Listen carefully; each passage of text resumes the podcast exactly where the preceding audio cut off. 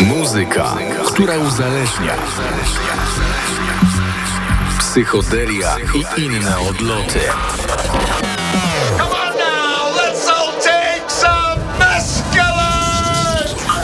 Apteka. Psychoaktywne dźwięki bez recepty. Odlatujemy w każdą niedzielę o 21 w Radiu Free. You can see here that the dilemma is clinging and you can see why. We naturally cling to the structures around us when change comes. Because structure gives us the illusion of security. This is what most people do. They try to cling to their relationships, their marriages, their possessions, their habits, their routines. The only thing is, the big spoiler is death. I mean, death really screws it all up. Just the biggest reminder of the truth. For years, we can be humming along in our own little world, absorbed with our lives, lost in our suffering, shuttling between pain and pleasure, and then sooner or later, death. All roads lead to death. You have to let it in deeply. You know, and, and that truth, it has to get past some resistance, some clinging. And there's a lot of clinging in us. You know, our lives are surrounded by anchor points. And some of our greatest anchor points are our relationships. My greatest anchor points are undoubtedly my children. But the question is can we love those who are closest to us and not cling to them? That's a great challenge. And we do that with the things that we love the most. We tend to cling to them. But the clinging is actually the thing that creates the interference.